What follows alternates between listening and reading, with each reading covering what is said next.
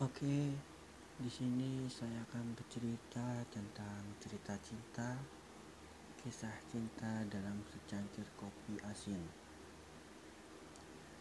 Ini adalah kisah cinta antara kakek Arun dan nenek Gema. Mendengar kisah cinta mereka, aku menyadari bahwa ternyata cinta sejati itu memang ada dan ingin segera kulupakan sakit hatiku karena kisah cintaku sendiri. Semoga cerita ini juga bisa menimbulkan kekecewaan akan cintamu saat ini. Nenekku populer sebagai gadis yang tercantik di kotanya saat itu. Banyak pemuda yang menaruh hati pada nenek dan bersedia memberikan cintanya mulai dari yang tampan hingga yang kaya, berusaha menarik perhatian nenek. Tetapi nenek tak pernah tertarik pada semua pemuda itu.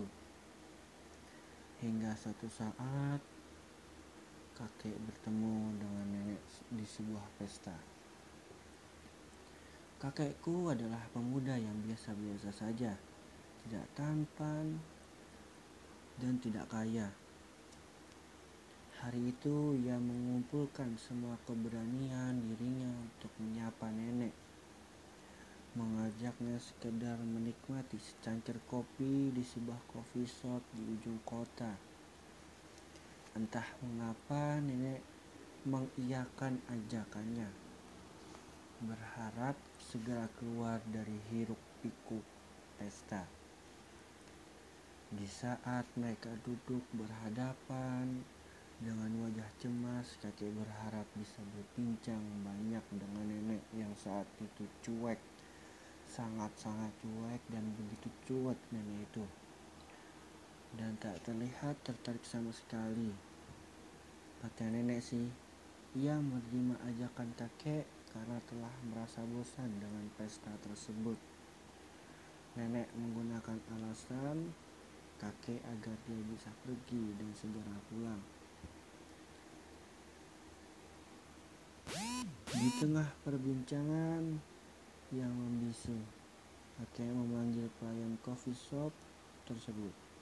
Pak, boleh aku minta sedikit garam untuk dimasukkan pada kopi ini? Semua orang yang ada di sekitar kakek dan nenek keheranan.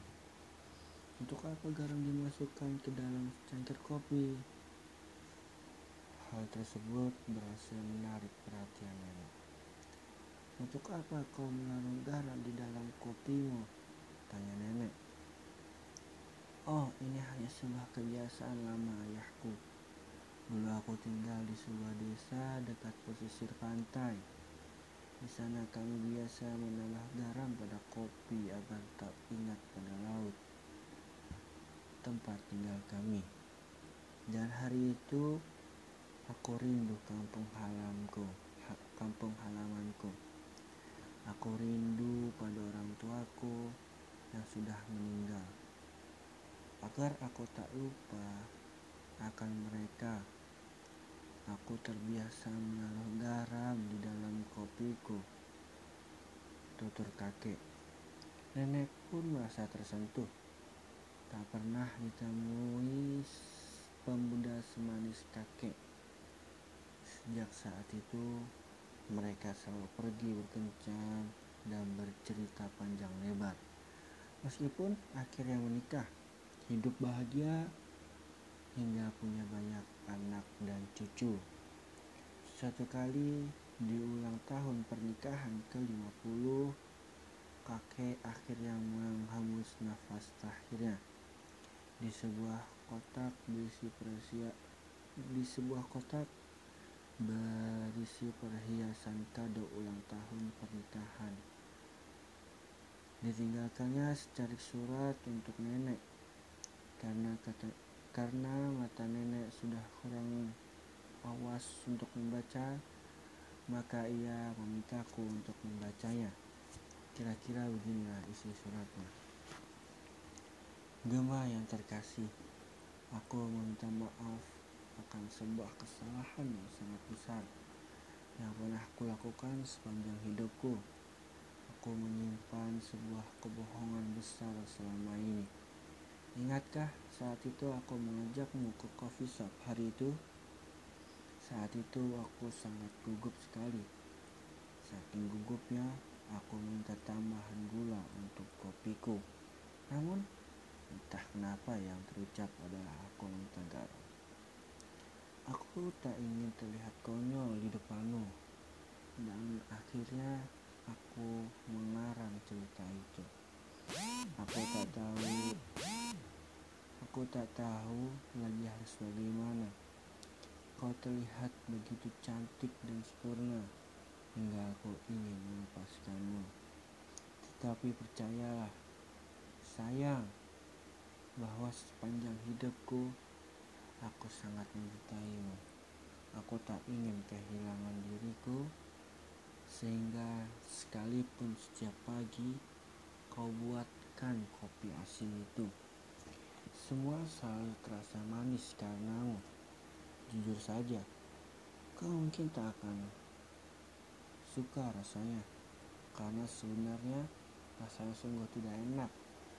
Gemah, aku hanya ingin kau tahu bahwa Aku sangat mencintaimu. Akhir mata nenek pun terus membasahi pipinya. Ia sadar betapa besar cinta kakek padanya. Sejak saat itu pun ia selalu Sejak saat itu pun nenek sering sejak uh, setiap kali ada orang yang bertanya, bagaimanakah rasa kopi bila ditambah garam? Ya, aku menjawabnya, rasanya manis sekali. Sejak itu pun, ia selalu menambahkan garam di dalam kopinya untuk selalu mengingat yang ada di masa lalunya.